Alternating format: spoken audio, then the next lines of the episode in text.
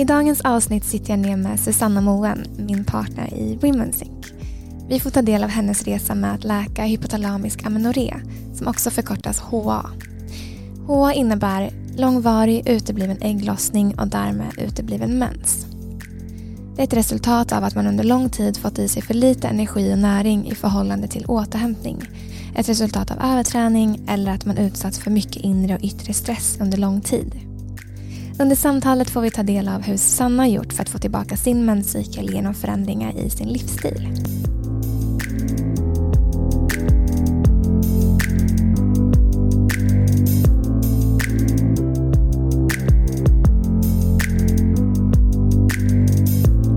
Hej och välkommen till podden Susanna Moen. Yay! Så kul att ha dig här på sidan som eh, gäst. Ja. Hur känns det? Nej, men det känns så annorlunda men ändå så fint att, ja, men att jag ska få dela med mig av min resa idag. Mm. Ja, det ska bli så kul och eh, ja, men få höra om din resa med att läka HA och få ta del av alla tips och knep och insikter som du har fått med dig. Ja, jag ska göra mitt bästa. Det Jag är, kommer ju, bli otroligt. ja, jag är van att sitta på andra sidan och ställa frågor. Ja, men precis. Det blir bra. Ja, definitivt. Eh, jag tänker att vi kör igång med den frågan som vi ställer till alla våra gäster. Och eh, men det är den att vi tror att alla här är på ett mission. Och ja, men jag är nyfiken på att höra vad ditt mission är. Mm. Och jag skulle säga att alltså mitt mission sammanfattat i ett ord är ju kvinnohälsa. Eh, för någonstans, jag har ju ja, samma mission som VS. Men där jag tror är min inriktning också är ju att men jag tror att jag är på den här jorden, jag är en kvinna eh, och jag har liksom fått uppleva alla de här delarna i att vara kvinna. Eh, och det som verkligen har kommit till mig väldigt starkt är ju att men de utmaningar som jag har haft eh, någonstans har jag behövt ja, men läka de delarna och sen så har det blivit att jag har spridit ja, men vidare den här kunskapen till fler. Så någonstans att läka mig själv och att sen hjälpa andra i det. Ehm, så att ja, det skulle jag säga är mitt mission. Och sen har det blivit eh, kvinnohälsa och det är liksom där jag brinner för allra mest. Mm. Ja, men det är så, så fint och så inspirerande att följa dig på olika sätt. Eh, och I det här avsnittet så ska vi prata om hypotalamisk amenorré och din resa för att läka ja, men just det. Eh, och jag tänker att vi backar bandet och börjar i ja, men så här, vad ledde till att du förstod att du hade just HA? Mm. Och det här var ju verkligen en process. Eh, och ingenting som var självklart från början att jag hade det. Utan hur det egentligen började var att jag slutade med p-piller. Eh, jag skulle åka till Australien. Så då kände jag att men det var ett jättebra tillfälle för mig att dels se hur kroppen fungerade utan p-piller som jag nästan hade ätit i tio år. Så jag kände så här, ja men jag slutar, eh, för jag var ju också väldigt intresserad av hälsa. Så att ja, men jag slutade i samband med det eh, och sen så gick månaderna eh, och jag fick aldrig tillbaka min cykel. Och de första månaderna reflekterar jag inte särskilt mycket kring det för att det är ju ganska naturligt att en biverkning efter att man slutar med p-piller är att man inte får tillbaka ja, med sin cykel direkt. Så att jag reflekterade inte särskilt mycket kring det. Sen så, ja, men nio månader senare så kände jag så här okej men nu har det snart gått ett år, vad är det egentligen som händer? Så i samband med det här så sökte jag hjälp hos vården. Eh, jag fick komma dit, jag gjorde tester ehm, och ja, men deras svar var egentligen att eh, börja ett p-piller eh, för att du har väldigt låga värden när det kommer till ja, östrogen. Så att du behöver göra det och sen gå upp i vikt. Det var egentligen svaret jag fick. Okej. Och vad, vad gjorde du då? Ja, alltså jag har ju som sagt alltid varit intresserad av hälsa. Så att jag förstod ju att okej, eh, det här att äta p-piller är inte lösningen på problemet utan det är ju bara ett sätt att dämpa symptomen. Så i samband med det här så började jag ja, men läsa på kring ja, men menscykel, kring hormoner, kring kvinnohälsa jag började lyssna mycket på poddar. Jag började ja, men, läsa research och bara ja, men, förstå vad, hur hänger egentligen menscykeln samman med allt annat i vår kropp. Eh, och det var när jag ja, men, lyssnade på det här som jag förstod att lösningen för att få tillbaka min menscykel fanns i mitt sätt att leva inte i att ta p-piller. Sen så förstod jag absolut inte alltså hur stort det var och vilka förändringar jag egentligen behövde göra. Mm. Ja, men för du berättade att du var väldigt intresserad av hälsa och eh, ja, men levde liksom, ja, men, situationstecken hälsosamt i, eh, ja, men, i mångas ögon, i dina egna ögon. Eh, vad, kan du beskriva den livsstil du hade då som du trodde var väldigt hälsosam men som du också ja, hade HA av? Mm. Och grejen är så här, i viss utsträckning så är ju det hälsosamt eh, sättet jag levde på. Det kanske fungerar för någon annan. Det beror ju helt enkelt på alltså vad har vi för genetisk uppsättning eh, men också hur lever jag mitt liv eh, vart i världen bor jag? Det är väldigt många aspekter som spelar in när det kommer till liksom hälsa. Och för mig också de här inre delarna. Som lever jag min sanning? Eh, är jag lycklig? Inre stress, med tankar om att vara enough. Så alltså när det kommer till HA, utebliven mens, så mycket handlar liksom om helheten. Men om man kollar på ja, men hur jag levde då, då var det ju, ja, men jag tränade otroligt mycket. Jag var maskin i gymmet, i löpspåret, eh, men också jag spelade fotboll så jag tränade liksom säkert ja, men 8 till 10 gånger i veckan liksom, på ett eller annat sätt. Eh, jag åt på ett sätt som jag ja, men, trodde var hälsosamt för mig och vid den här tiden var jag också vegan. Men jag åt också, ja, men, om jag ser på det nu så åt jag ganska mycket kolhydrater i förhållande till vad jag fick i med fett och protein. För jag tror att någonstans i mig så fanns det en rädsla för fett. Mm. För att jag växte upp i, eller vi växte upp i ett samhälle där man var väldigt rädd för fett. Det var någonting man skulle undvika. Så att jag gick ju mer på liksom lightprodukter och ja, de delarna. Eh, men också utöver liksom träning och vad jag åt så handlade det nog mycket om också bara livsstilen överlag. Att jag var väldigt mycket i det här prestation, att göra. Eh, jag jobbade, jag pluggade samtidigt. Så det var ju liksom väldigt många aspekter som spelade in. Så det var ju mycket inre stress. Mm. Eh, även om jag kanske inte upplevde mig själv stressad. Men också en yttre stress ifrån liksom träning, näringsbrister, få i mig för lite mat förmodligen i förhållande till vad jag gjorde med AMA, men också att jag inte fick i mig alla de här delarna som är superviktiga för menscykeln i form av liksom fett och protein. Mm.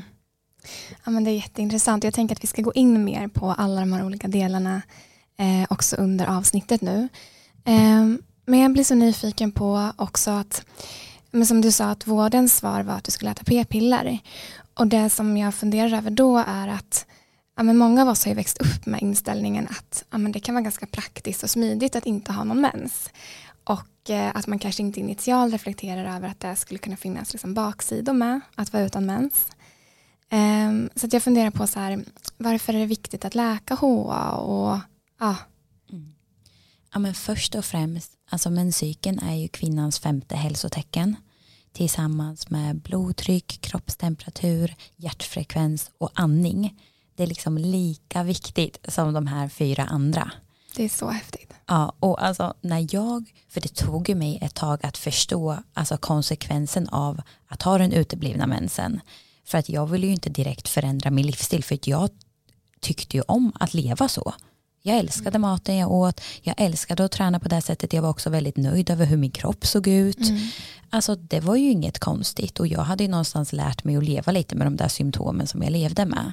Men det var när du sa det, när du berättade och tog fram den här forskningen, alltså poletten föll ner mm. så starkt inom mig.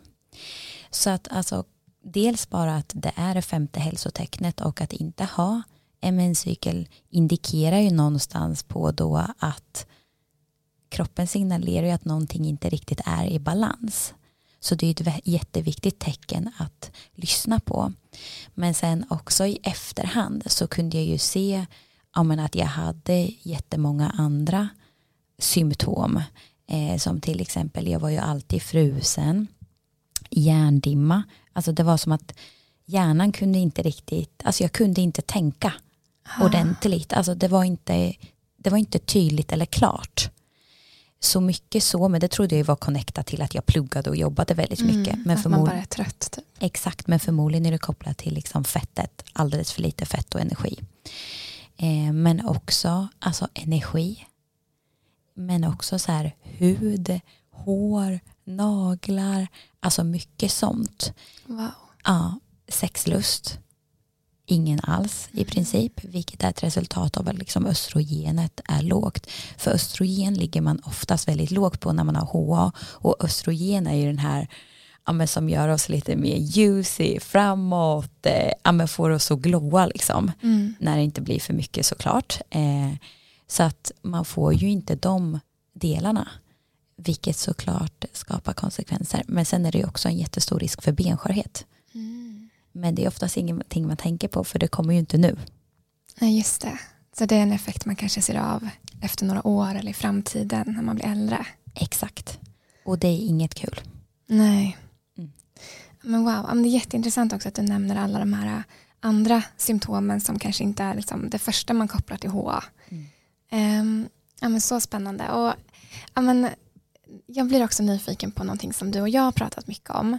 Och det är ju dina insikter när det gäller maskulin versus feminin energi i vår livsstil och att leva linjärt versus cykliskt. Kan inte du berätta mer om, om det här?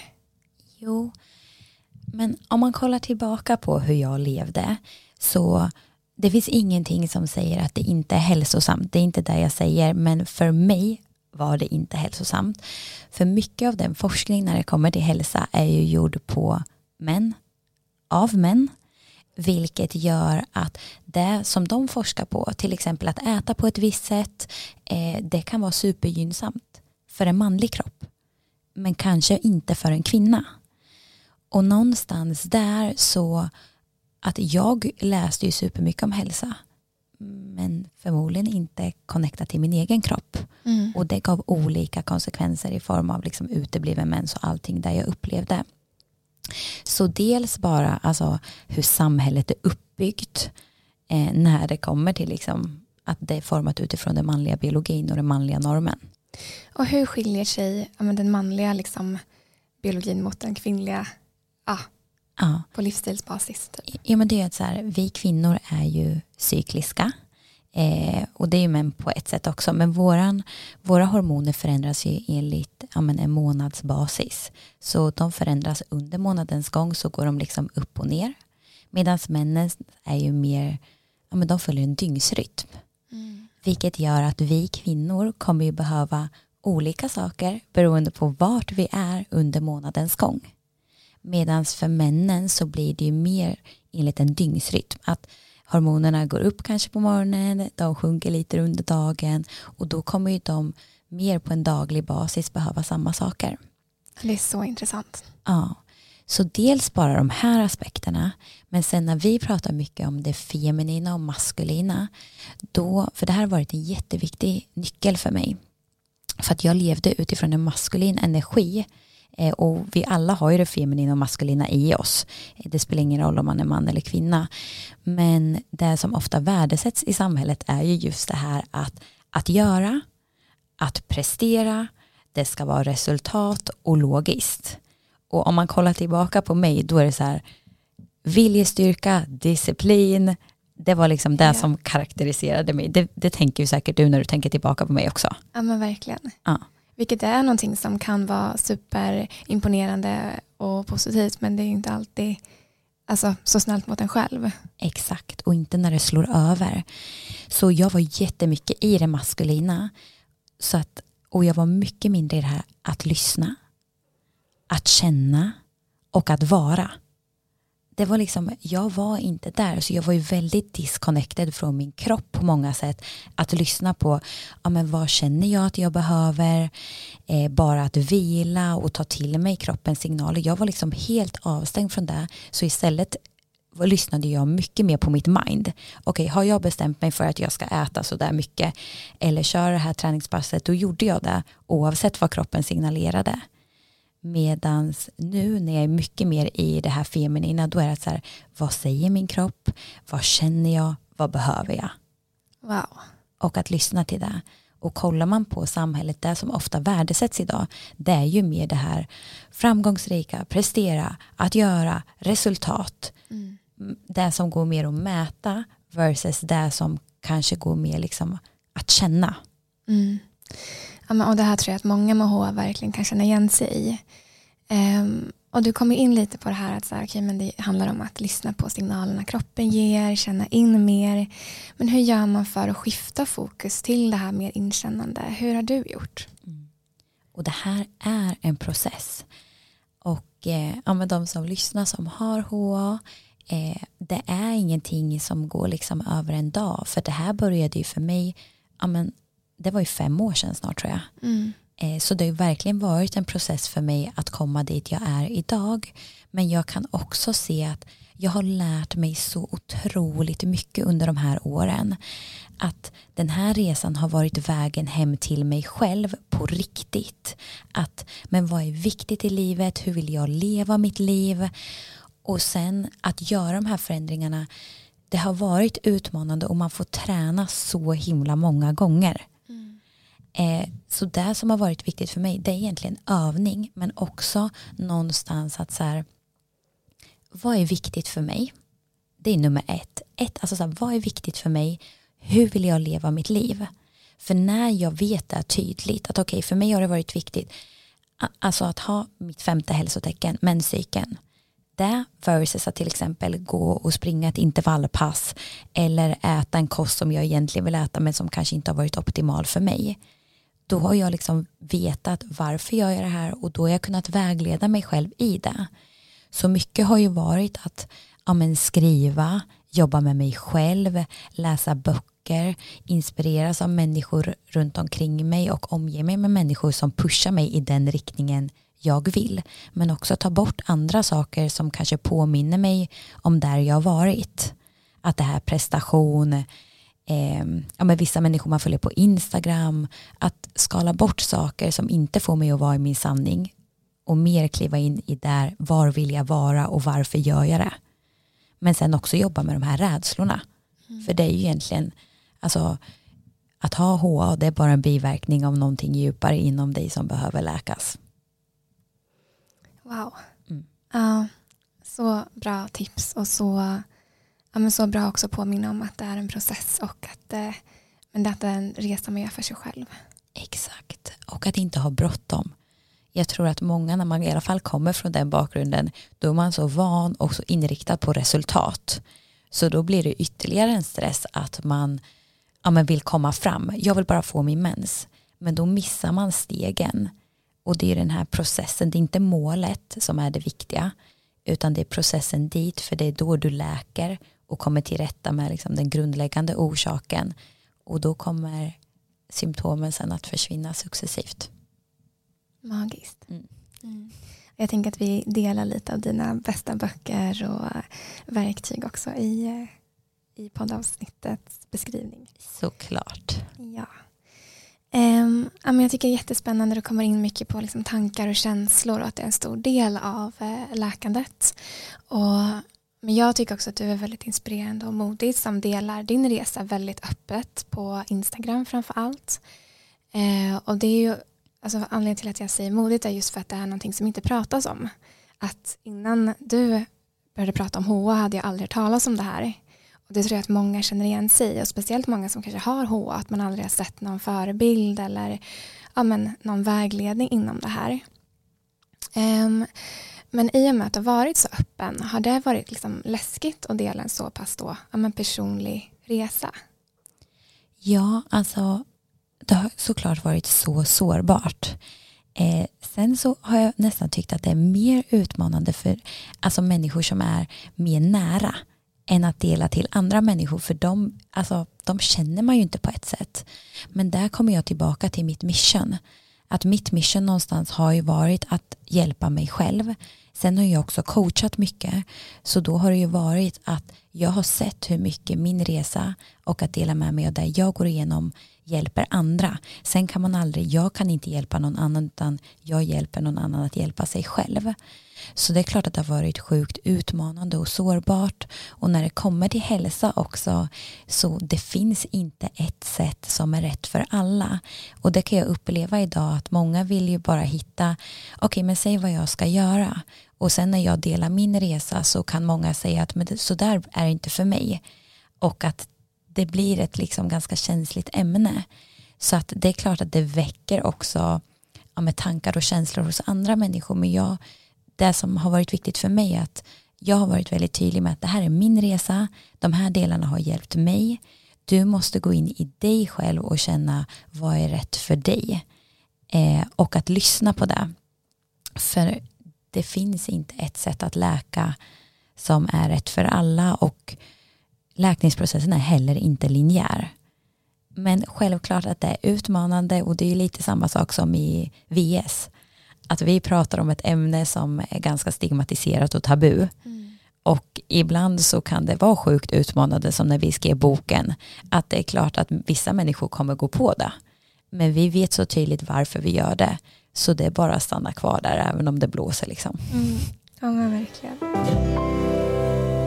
Det här avsnittet är sponsrat av Wearlabs. Och eh, det Wearlabs är är en typ av hälsokontroll där man mäter sina värden genom ett blodprov. Mm. Och jag älskar hur Wearlabs beskriver att de tror att människor med rätt kunskap kan påverka sin hälsa genom livsstil. Och det här är ju exakt i alignment med Women's Sync och ja, men vad vi står för. Ja, verkligen. För deras mission är någonstans att hjälpa människor att få koll på ja, hur ens kropp mår på insidan. Ja, och både du och jag Sara har ju gjort Wearlabs hälsokontroll XL plus.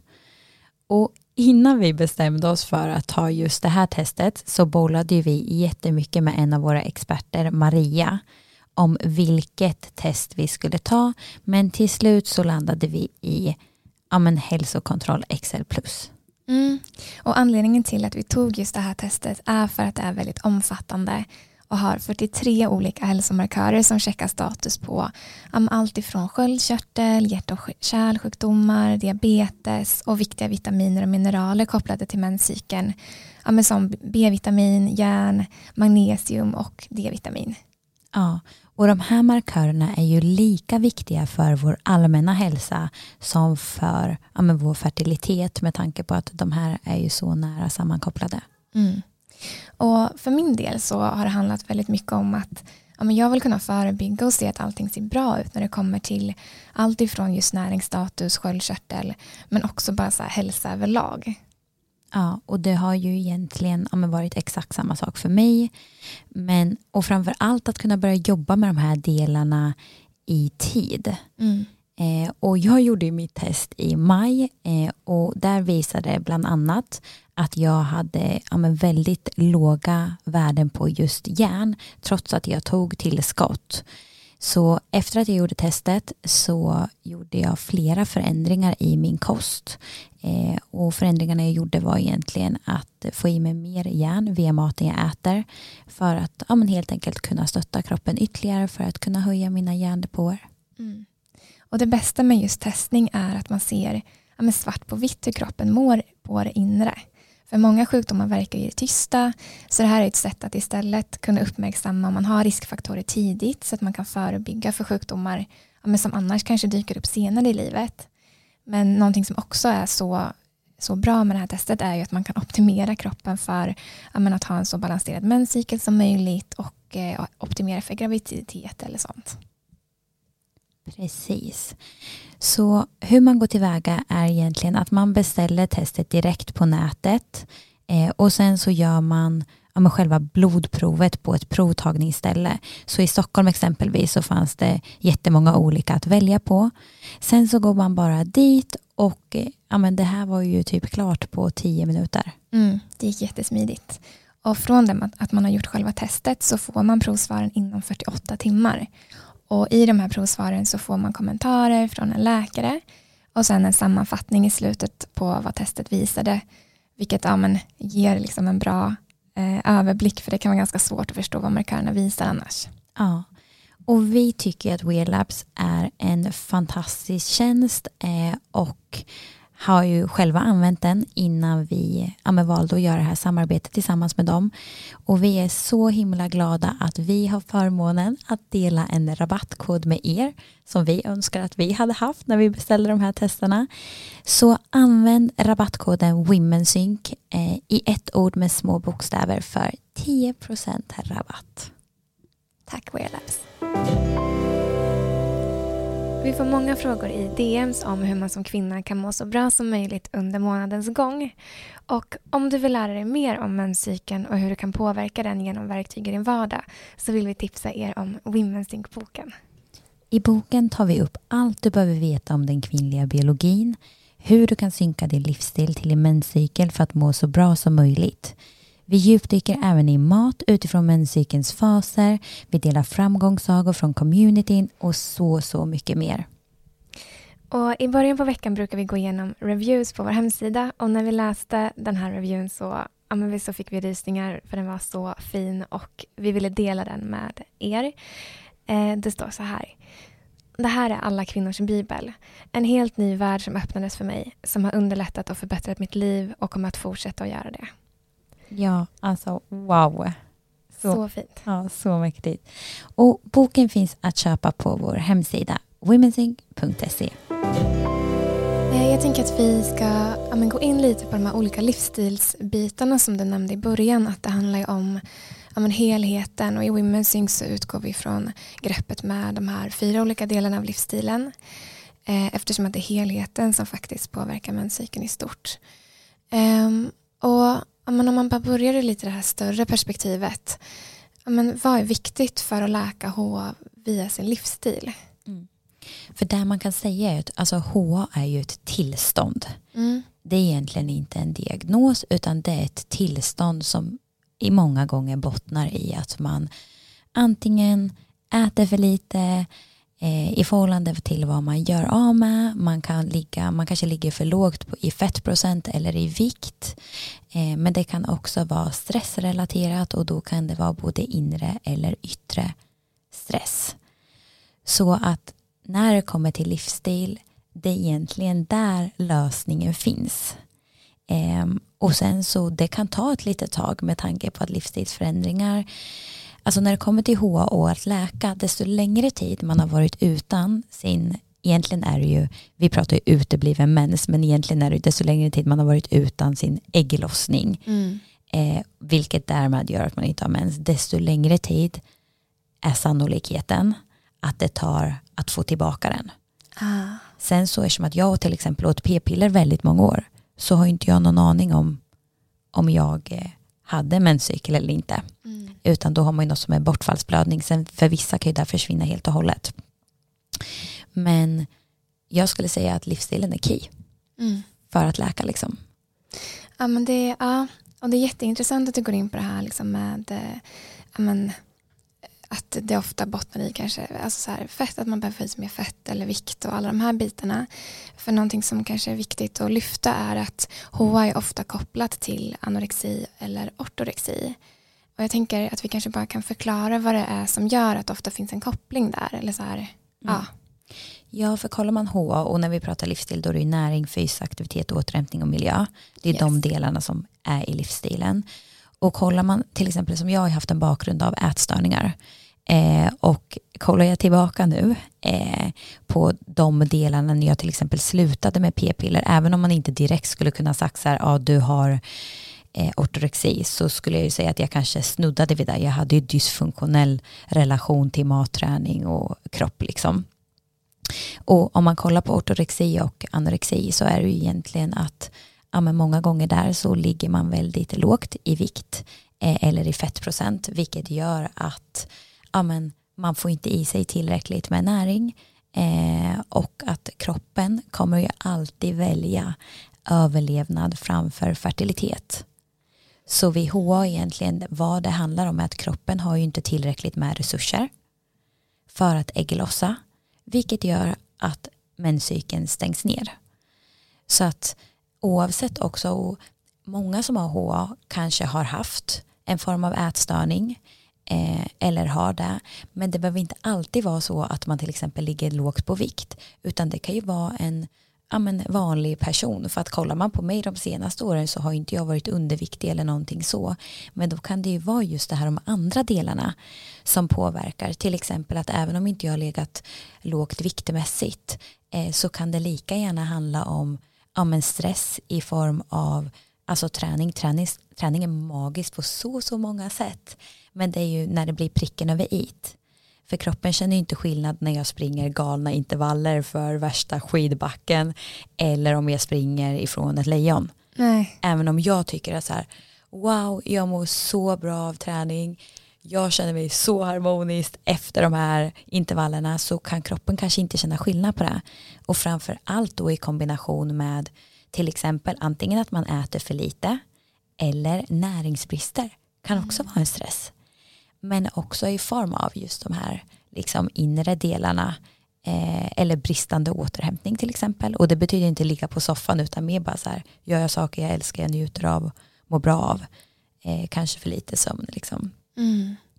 Så att eh, Ja, ja, men jag tycker alltså just det här med återhämtning, jag tänker att vi kan stanna lite vid den. För nu kom du in på det här med inre och yttre stress. Mm. Och du nämnde det tidigare och jag tänker att så här, för mig var det ett ganska nytt begrepp när vi i Womensync började liksom kolla på det som två olika koncept. Vad är egentligen skillnaden mellan inre och yttre stress? Mm. Men yttre stress, det skulle man kunna säga saker som är liksom, ah, utanför oss själva. Det kan till exempel vara eh, jobb, alltså, fast samtidigt så här, de här sakerna går ja. ju så mycket in i varandra. Men säg till exempel ja, men yttre stress, men det kan ju vara fysiskt, vad utsätter vi vår kropp för?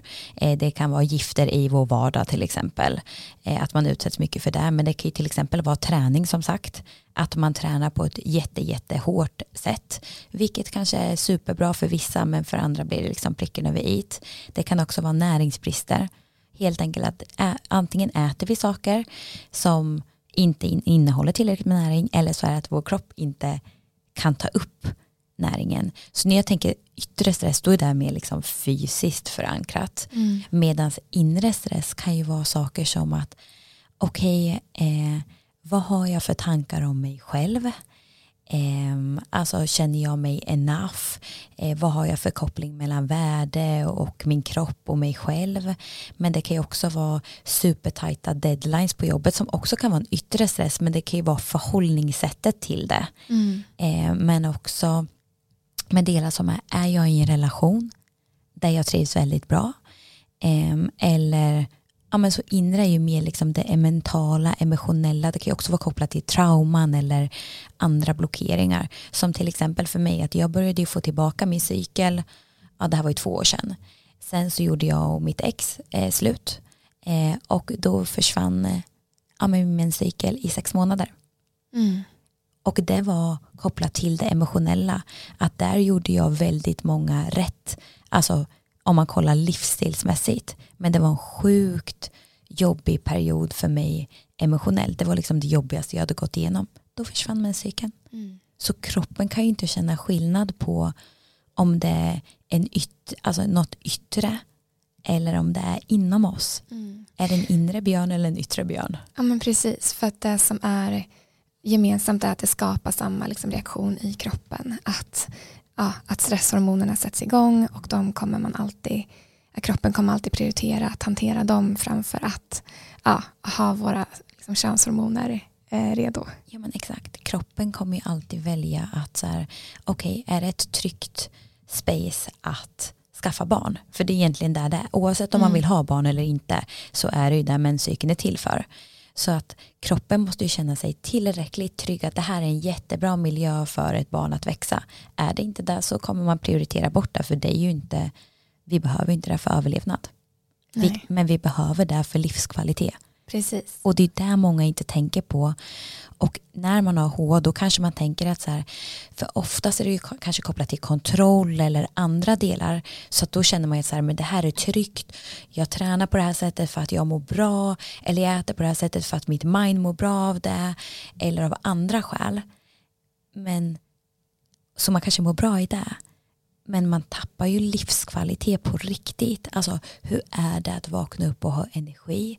Hur är det att liksom eh, kunna njuta av olika saker och bara liksom kunna känna in kroppen, alltså mer så här frihet, kärlek. Mm. Medan där lever man ganska mycket i det här kontroll, begränsningar. Just det. Och är det verkligen liksom ett liv man vill leva? Så livskvalitet på andra sidan 100 procent. Mm. Mm. Wow. Så återhämtning 100 procent key för att kroppen ska kunna känna sig trygg. Mm. Och vad som är återhämtning för dig som lyssnar, det kan inte jag svara på. För mig har det varit mycket så här, alltså yin-yoga för det får mig att komma ner i kroppen. Eh, men det kan vara massage, det kan vara att vara ute i skogen, gå promenader. Men det kan också vara att kolla typ Netflix om du behöver det. Eh, som för dig Sara, du älskar ju typ att skapa, rita, mm. dansa. Alltså mer bara vara i nuet. Det skulle jag säga är återhämtning. Mm. Ja, men det är jättebra med lite exempel också för som sagt man glömmer ju ofta att man kan återhämta sig på andra sätt än att liksom ligga still. Exakt. Eh, och det handlar ju mer om att som sagt här, koppla bort från alla yttre stimuli som kanske stressar en. Mm. Eh, jag är nyfiken på ja, men den här andra aspekten som vi har varit inne och snuddat vid, träning. Mm. Eh, som är en väldigt viktig del i HA och eh, ja, men som du var inne på att för din del när du tyckte att du levde en väldigt hälsosam livsstil som inte riktigt funkade för dig så tränade du väldigt hårt och väldigt mycket. Eh, vad, hur kan man träna mer utifrån menscykeln för att läka HA? Mm. Och där är det ju, alltså träning i sig det är alltid i relation till näring. Eh, ja, så att nummer ett egentligen för att liksom läka HA så är det ju alltså få i dig tillräckligt med mat och näring. Mm. Och ligg inte på, alltså ligg inte för lågt i vikt eller i underhudsfett. För att vi kvinnor är inte som män. Vi Exakt. är kvinnor och ja. vi behöver mer underhudsfett än killar. För att det är så vi är designade. Så viktig påminnelse. Ja, och sen så får man också tänka så här. För att jag tänkte ju så här, ja men vadå, jag är väl inte så himla mycket mindre än någon annan.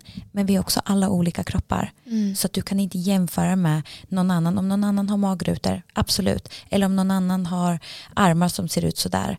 Alltså din kropp är din kropp. Så man kan inte jämföra hur den ser ut med någon annan. Men så när det kommer liksom till att läka HA då är ju någonstans nummer ett vad, ligg inte för lågt i fettprocent eller i vikt och vad det är exakt för vikt eller fettprocent det är helt unikt för dig. Nummer två blir någonstans näring. Du behöver få i dig tillräckligt med energi och ja, näring och kalorier egentligen, alltså enkelt sagt, för att din menscykel ska fungera. Sen så blir det ju näringen i relation till träningen. Eh, och exakt vad som är Alltså hur mycket vi klarar av att träna, alltså alla individer, det är så olika. Men det är ju i relation till hur mycket får du i dig också. Mm. Så att eh, tränar man väldigt mycket till exempel som elitidrottare då blir det otroligt viktigt för dem att äta och möta det behovet. Sen kan det också vara för att många kvinnor som lyssnar här de kanske inte är elitidrottare men de kanske faktiskt tränar i princip som en elitidrottare mm. i kombination med att de äter väldigt strikt. Mm. Det vet vi att vi har många i communityn. Exakt, och det är där någonstans att du behöver inte ens vara egentligen en atlet men du lever som en, för det gjorde jag. Mm. Jag var inte en atlet men jag levde ju typ i princip som den om man kollar på mängden träning Verkligen. men också i relation till vad jag åt och fick i mig. Så när det kommer till träning och en läkningsprocess i HA eh, här finns det olika approacher. Vad jag har förändrat är sättet hur jag tränar. Ja. För att rörelse för mig är sjukt, sjukt viktigt. Men vad det handlar om är hur gör jag min kropp, rör jag min kropp och när. Så, och där måste man känna in, för är man väldigt fäst vid träning och man känner väldigt mycket motstånd som jag gjorde när, när Jenny Ko sa till mig till exempel, för jag blev coachad av henne, ja, jag tycker du ska sluta träna eller träna de här typen av träningar. Jag bara, nej, det där menar du inte. Jag älskar att träna, jag mår jättebra, jag blir superlugn. Ja, absolut, men din kropp blir inte det. Så att exakt hur man kan träna men det jag har gjort som har varit gynnsamt för mig har varit att jag har minskat antal pass, mm. alltså drastiskt. Eh, men framförallt sättet hur jag tränar och då har det varit mer till exempel så här att ja, men jag har alltså, inte kört lika intensivt och jag har plockat bort mycket hitpass, mm. eh, mycket ja, men, intervallpass, löpning och istället har jag fokuserat på styrketräning, mer yoga och promenader. Mm. Ja, men det är helt olika typer av träningsformer egentligen. Mm. Men sen nu när jag, där jag är i min läkningsprocess så har jag kunnat lägga till vissa delar. Men då gör jag vissa delar i menscykeln. Ah. Ja. Och när, ja, berätta ja. mer. Ja men till exempel, och nu har jag haft, jag tror det är 13 cykler i rad. Men de har varit med olika intervall. Ah. Och det är viktigt att säga att det är inte Alltså det är inte klockrent varje månad utan när vi till exempel lanserar boken ja då försvann den. Eh, eller då var, då var den 49 dagar istället för som månaden innan typ 28. Eh, och för förra månaden så var den 23 dagar, sen blev den 39 för vi hade supermycket i juni. Mm. Eh, men nu var den 32. Så där jag har hittat som fungerar för mig är att till exempel, jag springer inte särskilt mycket eh, överlag eh, för jag kan känna att det stressar min kropp. Men då har jag istället eh, när jag får mens, alltså typ kanske inte första dagen men de dagarna, någon gång där firar jag med något eh, eh, ja, men intervallpass eller att jag springer. Ehm, och sen i fas 3, när jag har sett att jag har haft ägglossning, det vill säga att ägglossningen, jag har haft temphöjning i flera dagar, då kan jag också springa för då vet jag någonstans också att så här, jag har haft ägglossning. Så jag är lite försiktig innan ägglossning för att jag vill verkligen att kroppen ska känna sig trygg. Mm. Det är det som är egentligen nyckeln, att få kroppen att känna sig trygg. Ja, och det här går ju lite emot till exempel Alissa Vitti som pratar om att i fas 2 innan ägglossning där kan man köra på med hitträning, springa, man har, för det är ju lite, det är då jag har mest energi mm. och jag känner mig som starkast. Men det är också där jag behöver vara mest försiktig för att jag har ganska lätt till att bara, ja, men jag känner mig sjukt stark, jag kan träna ganska mycket. Men då att bara, okej okay, jag måste ändå tänka till, vad är det jag gör? och hur kan jag använda och få utlopp för den här energin på andra delar i mitt liv som inte är connectat till träning. Ja, ja men det är jättebra och det är precis där att ja, men för eh, de som inte har H, då kanske det är perfekt att träna i fas 2. Mm. Men det är ju skillnad som sagt beroende på vem man är och vad man har för andra delar i sitt liv som också eh, ja, men påverkar den och kanske stressar kroppen på olika sätt. Ja. Så att jag tränar ju fortfarande men jag tänker till vad jag tränar. Så om man skulle bara sammanfatta träning och HA lyssna in vad som känns rätt för dig. Sen tränar inte jag innan frukost längre. Ah. Det gjorde jag alltid förut. Yeah. Jag tränar alltid innan jobbet om du tänker, alltså så här, tänker tillbaka och alltid okay, innan yeah. frukost. Eh, men jag gör det väldigt, väldigt sällan nu för tiden. För att eh, när jag äter frukost, det första jag gör så signalerar jag för min kropp att den är trygg. Just det, den har mat, den har trygghet. Exakt. Så att när jag tränar och det var lite kämpigt för att när jag gjorde det på morgonen var det som att jag hade det gjort och jag mådde väldigt bra. Men nu när jag gör det kan jag känna så här, oj, nej det känns inte 100% i kroppen. Så dels tränar jag inte lika ofta på morgonen, men sen också så hur jag relaterar till träning är så mycket mer annorlunda. Att nu kan det handla om att jag går och tränar 15 minuter. Mm. För att det är vad jag behöver. Medan förut så var det en och en halv timme. Men också att ibland kan jag faktiskt gå till gymmet. Jag kommer dit och tror att jag vill träna. Jag kör en övning och bara, vad gör jag här? Och sen går jag hem. Wow. Mm, och det är styrka för mig. Ja, oh, gud. Ja, men du har kommit väldigt, väldigt långt. Mm. Eh, ja, men det är jätteintressant och så bra konkreta tips. Eh, jag tänker att eh, jag vill eh, fråga lite mer kring näring. Eh, men innan vi går in på det så har jag bara en fråga som jag skulle vilja toucha vid och det är att vi var inne på det här med att eh, HA är ganska vanligt bland elitidrottare även om det sällan faktiskt talas om det eh, så är det ju många som idrottar på hög nivå som har utebliven mens. Eh, börjar vi se någon förändring när det kommer till att man anpassar träning utifrån menscykeln, de bitarna, för det känns som att det behövs ju verkligen börja prata om det här. Mm. Ja, men alltså man har ju sett forskning och det kommer ju allting mer kopplat till menscykeln Mm. eh, och att det kan vara fördelaktigt att periodisera sin träning eh, utifrån ja, men var man är för att få bäst ja, men effekt både liksom prestationsmässigt men också muskelvolym ja, hela den biten. Det jag tror blir viktigt för att det kanske är många som lyssnar som till exempel kör lagidrott och där har man inte möjlighet att periodisera på det sättet. Eh, vad som blir viktigt där tror jag är att alltså verkligen lyssna in sin kropp och känna när behöver jag återhämta mig lite extra och att inte lägga in egen träning där men också att som till exempel klubbar eller föreningar att istället för att första steget ska vara att okej okay, vi börjar periodisera eh, träningen utifrån menscykeln för en, ett klubblag säg till exempel då kanske det viktiga steget blir att uppmärksamma har alla våra eh, ja, men har alla våra spelare till exempel mens Mm.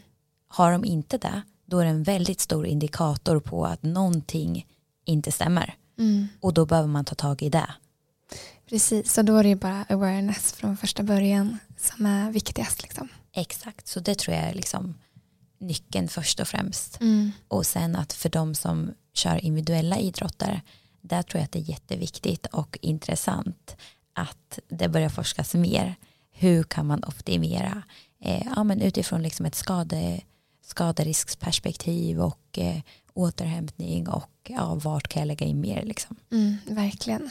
För det tror jag också, det har vi ju sett många i communityn som tränar väldigt hårt som ja, men, upplever liksom benskörhet och ja, skaderisken ökar ju med eh, utebliven mens. Verkligen. Eh, ja, men det ska bli jättespännande att följa. Vi hoppas verkligen att den här eh, forskningen som börjar komma att det ja, exponentiellt bara eh, ökar. Ja, och att det inte normaliseras. Precis. Mm. Så viktigt. Eh, nu till näring. Eh, jag tänker att vi börjar där. Du var inne på det tidigare kring fett. Och du nämnde det här med fettskräck. Vilket som sagt vår generation och många generationer runt oss har ju verkligen vuxit upp med fettskräck och att man ska undvika så många olika typer av fetter. Man får inte ha något fett på kroppen och det är väldigt liksom skeva ideal och förhållningssätt till fett i mat. Eh, kan du berätta lite kring varför fett är så viktigt när det kommer till HA och vilken typ av fetter? Mm. Och någonstans tror jag att många har liksom illusionen att fett i min kost är lika med fett på min kropp. Mm. Alltså det är där någonstans det blir helt fel. För att motsatsen är sann. Det tror jag är eh, en nyhet för många. Ja, Alltså så här, det känns inte som en självklar, det har inte vi växt upp med att lära oss. nej. Men det är där efter de här åren, herregud, den, alltså det är typ en av de största insikterna när det kommer till näring. Mm. Och den poletten föll verkligen ner ännu starkare nu för några månader sedan när jag gjorde ytterligare en förändring och har liksom börjat äta ännu mer fett. Aha. Eh, men så kollar man varför är fett viktigt för menscykeln. Det är egentligen, alltså fett är avgörande för våra hormoner. Och det är dels för att vi ska kunna producera våra hormoner men också för att stabilisera våra hormoner. Och våra hormoner är ju det som styr hela vår menscykel. Och det är ju allt ifrån liksom det fysiska, hur vi upplever alltså bara saker i vår kropp som till exempel ämnesomsättning, vikt, alltså sköldkörtel, allt sånt. Men också till mer alltså emotionella och det mentala, humör, alltså är jag introvert, är jag mer extrovert, social, alltså så att hormoner är ju liksom grunden. Och därför fett är det som skapar våra hormoner och stabiliserar våra hormoner. Alltså det är så viktigt och det är så, alltså det är så sjukt att vi inte har, eh, får ha med oss den här kunskapen om hur viktigt fett är för speciellt oss kvinnor. Exakt och sen så, så här, utöver det så hjälper ju alltså fett kroppen att reparera sig. Det Ah. hjälper att minska inflammationer men det hjälper också levern att alltså rensa och göra sig av med överblivna och förbrukade hormoner. Wow. Ja. Så fett är key. Ja men alltså det, det är verkligen så viktigt men också tror jag att många känner igen sig i det här alltså att man kan känna sötsug, hunger, extrem hunger Mm. de här delarna och det bottnar många många gånger i att ja, det bottnar många många gånger i att man får i sig alldeles för lite fett. Det här är så viktigt. Det, ja, det är en eh, ögonöppnare för, för typ oss alla tror jag som har växt upp i den här generationen. Mm. Eh, och så viktigt att vi fortsätter att prata om tror jag. Ja. Eh, vad, förutom fett då, om, om fett är en grundsten för våra hormoner, vilka andra delar i liksom, näring är viktiga när det kommer till HA? Ja, då är det ju framför allt att få i sig tillräckligt med mat som jag var inne på förut och det är liksom tillräckligt med mat och energi. Mm. Eh, vi kan inte få tillbaka en menscykel eller en ägglossning om vi ligger på ett underskott. Kroppen kommer inte känna sig safe, alltså det är bara så. Mm. Och många gånger behöver vi mycket, mycket mer mat än vad vi tror. Mm. Så att eh, få i dig tillräckligt med mat, eh, fett, otroligt viktigt eh, och sen protein. Jag hade nog inte förstått betydelsen av hur viktigt det är men protein är med och bygger upp allting i vår kropp. Eh, och det bidrar också till mättnad och det innehåller väldigt många aminosyror som vi behöver. Alltså det är byggstenarna för att vi ska fungera. Så det är viktigt att få i sig det också. Eh, men sen kolhydrater, att eh, många kanske är rädda för det också. Mm. Eh, men vid HA är det viktigt att få i sig en mängd kolhydrater för att kroppen ska känna sig tillräckligt trygg för att ägglossa. Men utöver det här när det kommer till näring så är det ju det handlar inte bara om vad vi äter utan också vad tar vi upp. Just det. Så att det är väldigt viktigt att vi ja, kan ta upp maten vi äter så att vi har liksom en balanserad tarm som fungerar på ett bra sätt. Och i min erfarenhet när jag hade ja nu har jag ju HA fast jag känner mig typ ur den. Eh, men i början där så hade jag väldigt många problem med typ matsmältning, tarm, olika liksom symptom kopplade till magen. Men det berodde ofta, eller berodde på att jag åt eh, mycket vegetabilier som kroppen inte riktigt kunde ta upp eller smälta. Aha. Och där har det varit så viktigt att öka, ja, men äta mer saker som kroppen eh, som är tillgängliga för kroppen och som är enklare att smälta. Som mm. mer fett och eh, ja, protein och andra typer av ja, lite animalier och de delarna för mig har varit viktigt. Mm.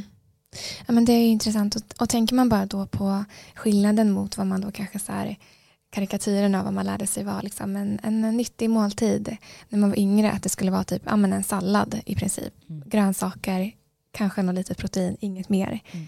att det är, alltså det är helt omöjligt att känna sig mätt på det. Det är helt omöjligt att kroppen ska känna sig trygg om det är allt man äter. Ja. Det är egentligen logiskt men vi har ju inte fått, det är inte det vi har fått lära oss. Exakt och jag har ju, det har ju varit en av de mest utmanande sakerna i min resa att jag har haft en så tydlig bild över vad som är hälsa mm. och hur jag ska äta. Jag har haft en bild i mitt mind att så här vill jag äta, det här är optimalt för planeten, för mig, för alla liksom. Och jag har fått gå emot den på alla, alla möjliga sätt. Uh. Eh, men det som har varit viktigt där är att jag, alltså så här, många av de symptom som jag har upplevt har försvunnit genom att jag har börjat äta vissa saker. Uh. Och när man upplever att det fungerar då är det som att det blir gott. Som jag träffade en, en tjej här eh, där vi poddar. Och hon bara, oh, för hon såg min matlåda, hon bara, ah, du, du kan äta kött nu till exempel. Uh. Och jag säger inte att alla behöver det, det är absolut inte det jag säger. Men jag säger att för mig har det varit ganska viktigt. Eh, för att jag känner mättnad på ett annat sätt. Jag känner, ja, men jag känner mig så balanserad eh, i magen liksom, och i kroppen. Eh, och det gjorde jag inte första gången utan det här är ju över tid. Eh, så någonstans så har jag gått i, alltså jag har gjort allting annorlunda mot vad jag trodde var hälsosamt. Mm. Men det är klart det tar tid att lära om. Alltså man har matats av en bild av vad som är hälsa, som sagt den här manligt utformade bilden.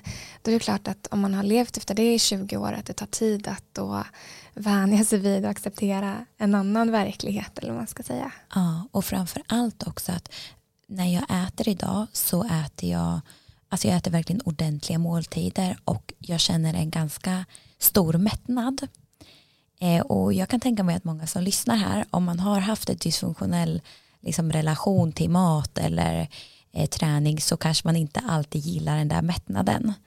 Eh, det är någonting jag har fått lära mig. Men det jag också ser är att så här, när jag äter en måltid som en frukost, jag kan hålla mig, många gånger nu äter jag så ordentligt för jag äter så mycket fett och protein, att jag kan hålla mig fyra, fem timmar och verkligen så här, känna mig så balanserad, jag har så mycket energi. Och samma sak med lunchen och middagen. Och det är någonting jag har fått öva mig i. Mm. Så att så här, ha tålamod. Att det, behöver inte, så här, det kommer inte förändras över en dag. Det kan kännas lite obehagligt till en början för det gör alltid vid förändringar. Men var snäll mot dig själv och sen så det kommer bli enklare. Mm. För man vet varför man gör det. Precis. Em, du nämnde lite det här med till exempel att eh, träna innan frukost. Och, ja, jag tänker att där, vi har ju pratat om det tidigare. Jag vet att du ett tag höll på lite med periodisk fasta. Hur, eh, hur är periodisk fasta i förhållande till HA? Ja, eftersom att allt det vi egentligen vill göra vid HA det är ju att minimera all form av stress. Mm. Och periodisk fasta kan ju bli en form av stress. Eh, för att vi vill att kroppen ska känna sig trygg. Om det är så att vi eh, fastar eh, väldigt, väldigt, väldigt många timmar då kommer kroppen tro att oh, det finns inte resurser här. Jag får inte mat. Vilket gör att den kommer bara, nej det är inte tryggt nog att eh, prioritera min menscykel. Så att jag kan inte säga så här, ah, eh, periodisk fasta, ja eller nej. Men mycket av forskningen är gjord på män. Eh, och eh, för mig var det inte ett alternativ för att det blir en stress för kroppen. Eh, utan att äta direkt på morgonen har varit väldigt kraftfullt och jag vet att våra experter har berättat det flera gånger att en förändring som många har gjort till exempel är att börja äta frukost istället för att ta till exempel en kopp kaffe eh, och sen eh, vänta till lunch och äta för att det blir bara stress på stress. Mm. Sen så kan det vara så att periodisk fasta kanske är ett alternativ när man kommer in i klimakteriet till exempel. För att då har vi inte en menscykel på samma sätt. Men i fertila ålder så kan det bli en stress och framför allt beroende på hur man lever sitt liv. Och framförallt om man har HA. Exakt. Mm. Och nu nämnde du också lite kort här koffein. Mm. Eh, jag vet ju att du har slutat dricka kaffe för Ja. ganska länge sedan. Eh, och att eh, ja, men, det har ju varit viktigt att det blir ju också en typ av stress. Mm. Eh, men ja, berätta, hur, hur har du reagerat på koffein och varför kan det vara en, en grej att kanske försöka utesluta? Ja, men dels är det ju att eh, som Jenny säger är ju att typ dricka en form av flytande stress. Ja. Eh, och alltså det här förstod ju inte jag då så jag slutade, det var december för typ tre år sedan nu tror jag. Mm. Eh, och det var egentligen att jag, ja, men jag började förstå kopplingen mellan hormoner och koffein. Men också att jag upplevde effekterna. Eh, för att när jag drack kaffe, då kunde jag, alltså jag mådde så bra. Alltså vid första koppen, alltså det var det bästa jag visste. Gå upp på morgonen och ta min första kopp kaffe. Och jag kände så här lyckokänslor, jag kände mig kreativ, produktiv. Men sen kom dippen. Då var det en form av liksom hjärndimma. Mm. Och jag upplever aldrig de här dipparna längre. Sen var vi utomlands, vi var på en träningsresa och jag drack den här kopp, alltså kaffen och jag bara kände så här, vad är det som händer i min kropp? Och då bara bestämde jag, jag känner att det här inte är bra. Så då valde jag att sluta. Eh, så dels är det ju för att koffein kan bli en stress för kroppen men också att det kan ju urlaka kropp, kroppen på olika näringsämnen.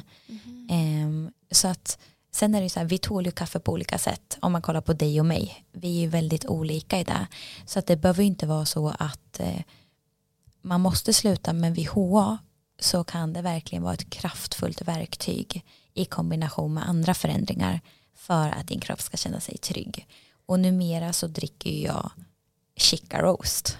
Ja, äntligen finns ett alternativ. Ja, alltså jag har ju, alltså jag älskar ju chica roast och jag har ju druckit den nu i ja, några månader. Och för mig är ju det, nu har inte jag druckit kaffe på så länge, men alltså för mig är ju det, det är ju som att ta den här koppen, alltså det påminner ju så i smaken och allting. Och när jag fick i mig lite koffein, kommer du ihåg när vi satt och skrev boken? Ja, jag bara kollade på Sara, jag snuddade.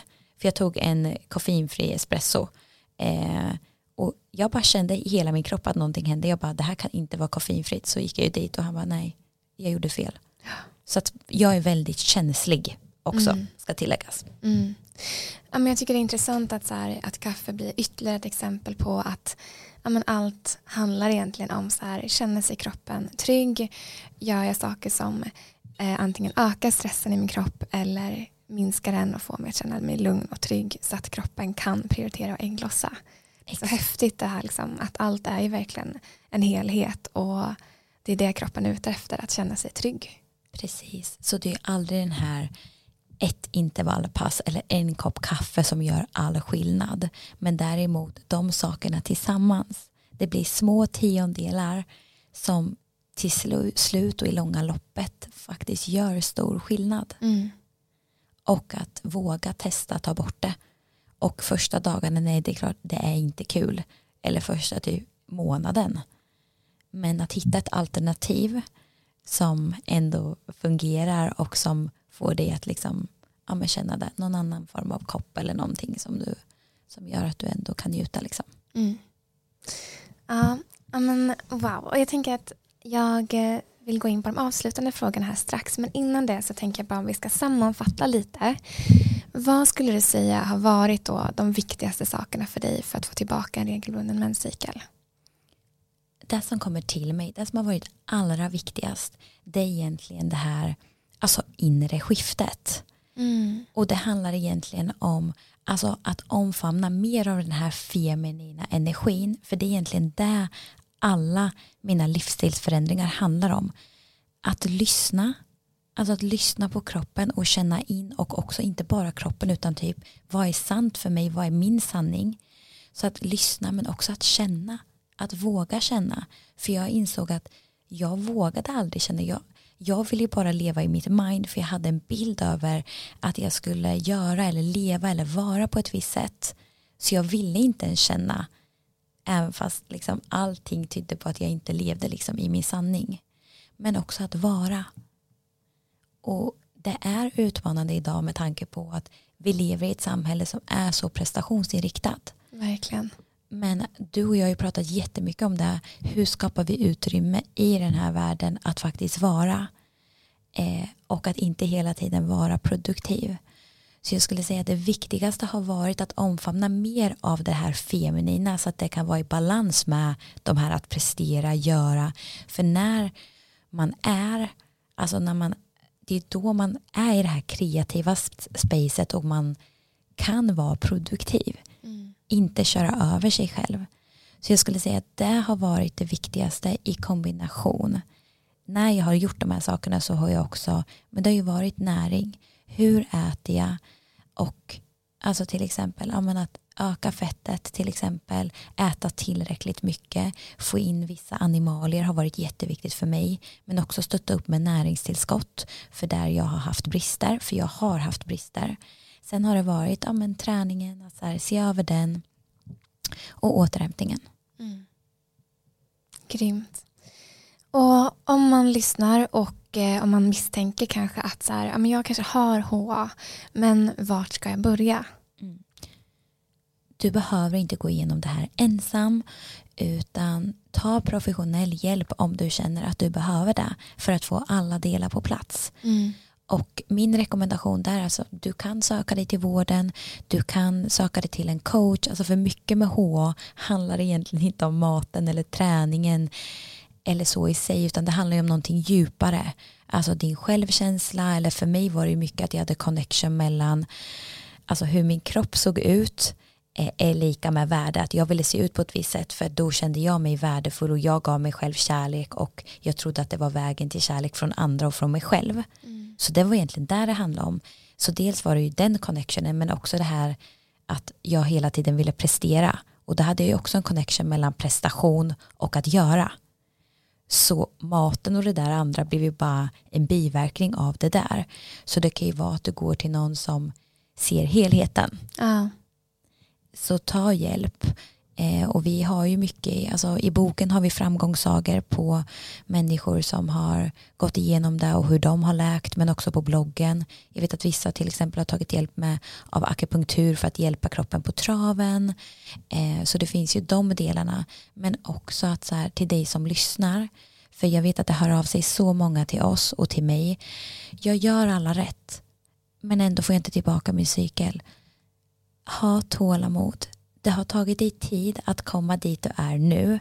Att få liksom den uteblivna ägglossningen med cykeln. Det kommer ta tid att kroppen verkligen ska känna sig trygg. För mig har det tagit många år. Det hade inte behövt gjort om jag hade haft rätt verktyg från början. Men ha tålamod, var konsekvent, sträva inte efter prestation eller perfektion igen. För det är oftast det som har Just det. fått dig att hamna här. Ja. Så släpp prestationen, du vet att du gör bra saker för din kropp. Den kommer komma. Mm. Så viktiga tips. Att våga, ja, våga släppa taget och lita på kroppen. Ja, men är du utan den väldigt länge, alltså min rekommendation är att sök hjälp hos någon expert. Mm. För att det kan ge konsekvenser på många olika sätt och också att bekräfta att det är verkligen HA du har. Just det. Så att sök hjälp också. Ja. ja, men jättebra. Och för de som kanske vet om redan då att de har HA, vad, vad är dina bästa tips till de som går igenom samma sak just nu? Nej, men det är någonstans att alltså så här, man måste ju gå in i sig själv. Vad, vad är viktigt för mig? Hur Mm. vill jag leva mitt liv? Och för mig var det så här, jag hittade en större drivkraft och passion. Tack Sara och Women's för att ni öppnade ögonen. Nej, men alltså någonstans här, jag vet varför jag gör det här och också att jag vill ha en frisk och stark kropp. Förut handlade det mycket om det gjorde kanske inte det men dels så levde jag på ett sätt som inte var format utifrån mig men också så här det handlade mycket om att prestera och hur kroppen såg ut. Nu handlar det mer om att jag vill träna för att ha en stark och frisk kropp som någon dag kommer kunna bära mina barn och som gör att jag kan eh, gå och röra mig när jag är 80 liksom. Ja. Så mer så här varför gör jag det? Vad är det som gör att jag vill läka liksom men också hur vill jag leva mitt liv? Mm. Så, så bra tips. Ehm, nu har vi kommit till de avslutande frågorna. Ja, och eh, den första är eh, vilket livsmedel eller ingrediens skulle du inte klara dig utan? Nej men jag skulle ju dra till med ägg. Ja. Ja men alltså det är så här, det kan man ha till så mycket. Ja, du brukar ju alltid ha ett ägg i väskan. Ja, jag åt ju precis två ägg. Och det här är på riktigt, alltså hon har alltid ägg i väskan. Ja men alltså det är alltid bra att vara förberedd. Eh, så ägg, 100%. Underbart. Och eh, om du fick tipsa om en bok, vilken skulle det vara? Sist tipsar ju, vi har ju ett avsnitt om oss så då tipsar jag om några andra böcker så nu tänker jag att jag tar mer kopplat till HA och kvinnohälsa. Magiskt. Och då är det The Fifth Vital Sign. Snyggt. Ja. Eh, och vi kan skriva exakt vad den heter och författaren, jag kommer inte ihåg exakt vad hon heter som har skrivit den. Ja. Men den tar egentligen upp allting som har med liksom kvinnohälsa att göra. Och sen såklart, alltså VS-boken. Det är Mm. typ första steget att om du vill lära dig mer om din kvinnliga biologi och vad som påverkar den, men också ta del av stories där människor går igenom liknande saker. Alltså det är så inspirerande. Så tipsar jag om den. Yes. Och du nämnde lite innan vilka dina återhämtningsfavoriter är. Men vilken är din bästa go-to för, för återhämtning? Ja, alltså det är så svårt att välja en, men jag skulle nog säga att det är Ja, men det är typ gå promenader i naturen där man inte, alltså bort med mobilen och allting Mm. annat. Eh, yin yoga, otroligt, eh, för att då landar man i kroppen. Eh, och sen så är det bara, men omge mig med människor som alltså får mig att bli verkligen lugn och jordad. Och att egentligen det allt de här, alla de här sakerna är, är egentligen att man är i nuet. Typ läsa en bra bok kan också vara otroligt. Mm. Snyggt. Och eh, sista frågan. Om du fick ge dig själv ett råd till ditt 16-åriga jag, vad skulle du ge för råd då? Ja, men då skulle det vara att så här, sluta sträva efter perfektion för det finns inte. Eh, men också ja, men, försök inte leva ett liv som inte är format utifrån dig eller som andra vill att du ska leva. Utan våga följa det som är sant för dig för att vi alla har en inre röst. Alltså man kan känna i kroppen att det här vill jag göra och att våga följa den. Mm. Mm, det skulle jag säga. Tusen, tusen tack. Tack för att du har delat med dig och eh, ja, men tack för att vi får inspireras av dig. Jag är så inspirerad av dig eh, och inspireras varje dag. Eh, tack för att du eh, kom hit och delade dina erfarenheter. Bästa, tack så mycket. Jag är så glad att jag fick sitta här med dig idag. Så magiskt. Så hoppas vi att det här avsnittet kan hjälpa någon som lyssnar. Verkligen. Då har vi uppfyllt vårt syfte. Precis. Ja. Tack. Vi vill bara passa på att lyfta vår nya produkt Chica Roast. Och det här är en så efterlängtad produkt för alla oss som vill minska på vårt koffeinintag och har letat efter ett alternativ till kaffe. Ja, för vi har ju faktiskt ja, men vi har letat och letat efter ett alternativ som ja, men skulle påminna om kaffe i smaken men som inte rubbar våra hormoner och inte urlakar kroppen på ja, men viktiga näringsämnen. Och Chica Roast blev helt enkelt svaret på vårt sökande. Ja, och Chica Roast är gjord på 100% ekologisk cikoriarot och har en smak som påminner om kaffe med rostade och nötiga toner och samtidigt har en hint av ja, lite choklad och sötma. Mm, den är verkligen ja, men så god. Eh, och vi vet ju hur viktig ja, men den första koppen kaffe är på morgonen för ja, men många av er. Och nu har vi äntligen hittat ett alternativ som toppar kaffe. Ja, verkligen. Och vi hoppas att ni är lika taggade som vi på att testa den här produkten och eh, ni hittar den på vår hemsida womensync.se.